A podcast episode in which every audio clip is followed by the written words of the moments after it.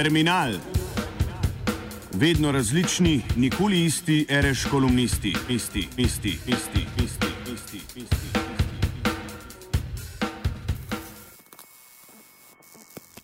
Venezuela 1902.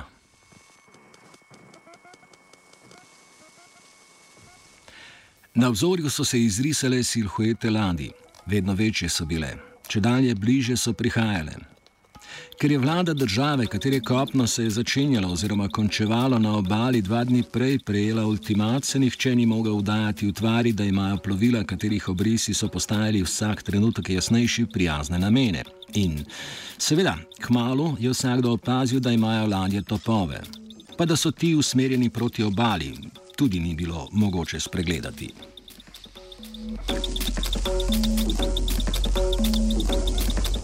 Predsednik, ki je prejel ultimat držav, katerih zastave so se vile na plovilih z grozečimi topovi, se je pisal Castro. A dežela, ki jo je vodil, ni bila Kuba, kakor bi zaradi znamenitosti vladarske dinastije tega priimka ne mara mislili večina sedaj živečih zemljanov, temveč Venezuela. Čas dramatičnega dogajanja, ki ga opisujemo, se prav tako izmika pričakovanemu. Ni bližnja prihodnost, temveč je že odšumel preteklost, pred več kot stoletjem.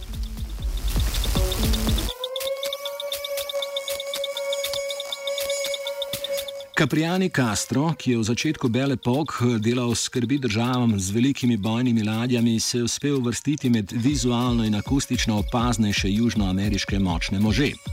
Čeprav predstave o lastnem poslanstvu v njegovih možganskih jugah niso dosegale podobnega obsega kot pri paragvajskemu Napoleonu Franciscu Solani Lopezu, ki je v totalni vojni z Argentino, Brazilijo in Urugvajem med letoma 1864 in 1870 znižal število svojih rojakov za več kot polovico, so vseeno zaznamovale svoj čas.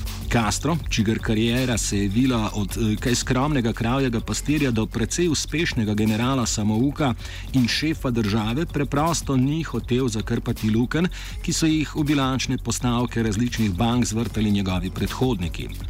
Posebej velik primankljaj je pustila za seboj gradnja 179 km dolge velike venezuelske železnice, ki je bila od prve tirnice do zadnjega vijaka izdelek nemške pameti in rok.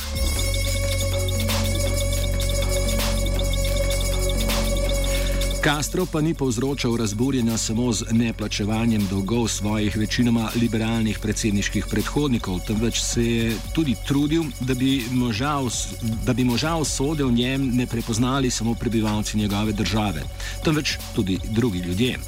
Želel je skratka biti pravi naslednik svojega rojaka Simona Bolivarja.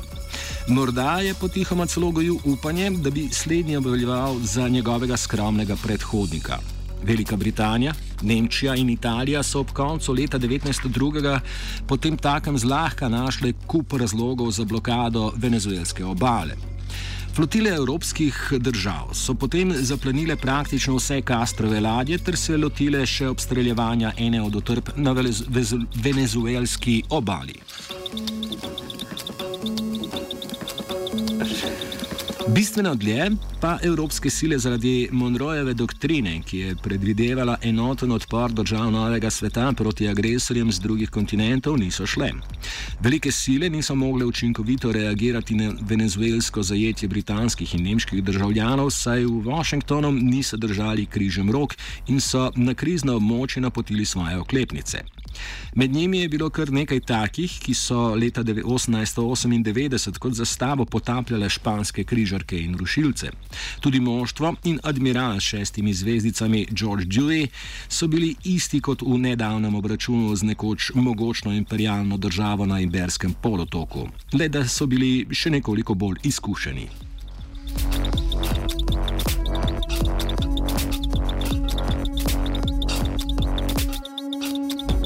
Evropske sile so tako bile že februarja 1903 pripravljene na miroljubno rešitev spora. Diskonto Gesellschaft in Severno-Nemška banka sta v nekaj letih dobili vsa praktična poplačila. Castro, ki je moral za nje nameniti 30 odstotkov v Venezueli pobranih carin, pa so bile vrnjene zasežene ladje.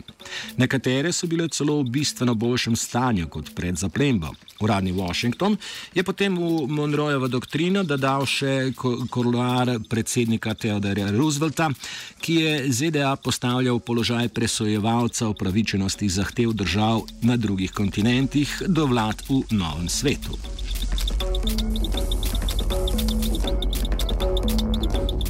Leta 1908, ko so bili stari dolgovi poplačani, je moral prizorišče zapustiti tudi Caprian Castro. Oslabelega voditelja je v času, ko je v Parizu poskušal odpraviti posledici sifilitične okužbe, strmoglavil njegov podpredsednik Juan Vincent Gomez, ki je potem do decembra 1935 v takšni ali drugačni obliki zagotavljal svoji domovini varnost, red, stabilnost in kar je še takih reči.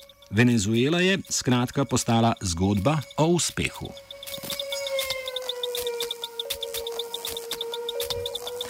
Pri podrobnejši analizi dogodkov ob južnih obalah Karibskega morja v letih 1902 in 1903 pa se pokaže vrsta presenetljivosti. Vodilni državniki ter celo mnogi časniki imperialnih sil niso bili posebej navdušeni nad intervencijo v Južni Ameriki. Dogovori Kastrovih predhodnikov so bili za nje pač preneznatni za resnejšo akcijo. Stroški blokade oddaljene obale bi se otegnili ne povrniti. Zato je lahko hitro prišlo do mirne likvidacije spora.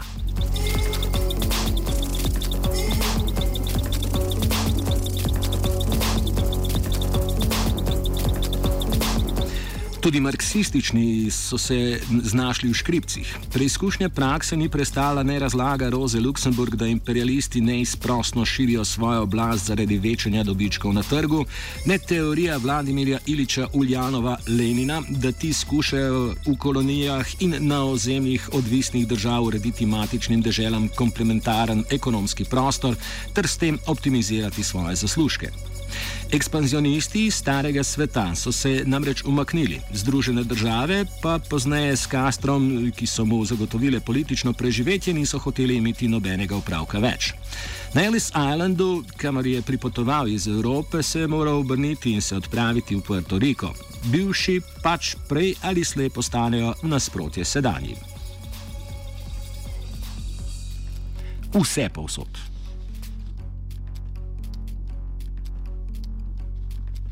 Zastavlja se torej vprašanje, zakaj so evropske sile v začetku 20. stoletja sploh blokirale Venezuelo. Analiza nemško-kanadskega zgodovinarja Holgerja Herviga je pokazala, da so se jo. Uh, da so se je odločujoči faktori imperialnih držav za demonstracijo z vojaškimi ladjami odločili šele tedaj, ko bi zaradi razpoloženja doma imeli lahko težave, če ne bi ničesar ukrenili. Medtem ko so vodilni predstavniki diskonto Gesellschaft in Severno-Nemške banke pomalem že mislili na to, kako bi se v skrajnem primeru obdržali na površini, če bi venezuelski dolgovi ne bi bili poplačani, so učitelji, profesori in drugi navdušenci nad kazanjem moči v neznanih daljnih deželah menili, da stvari ne gre prepuščati na ključem.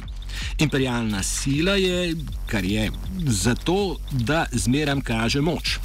In če tega v nekem trenutku ne počne, se v demokraciji neodločne že zamenja in se poišče takšne ljudi, ki so voljni toči po mizi in vihteti gorjačo.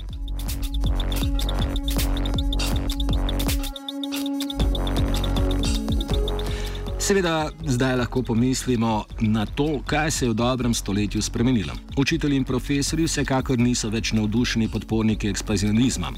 Marsikje so njegovi odkriti nasprotniki. Seveda pa zaradi tega še ni mogoče reči, da so neobremenjeni z, drugim, z drugam usmerjenimi histerijami.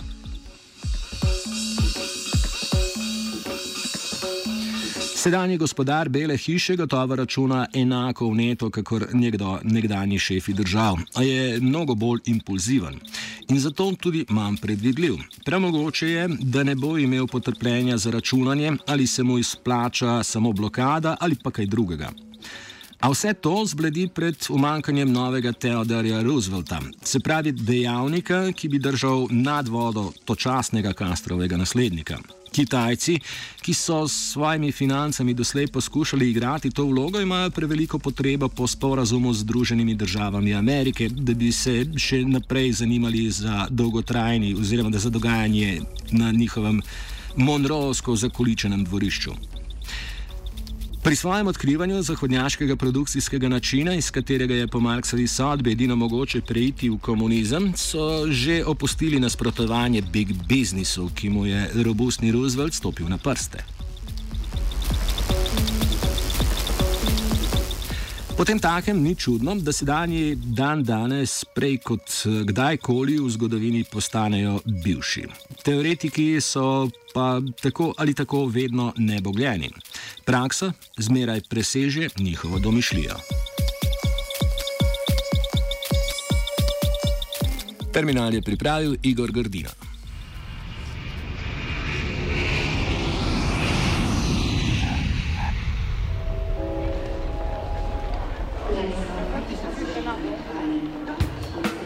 Terminal. Vedno različni, nikoli isti, reš kolumnisti, isti, isti, isti, isti, isti, isti. isti.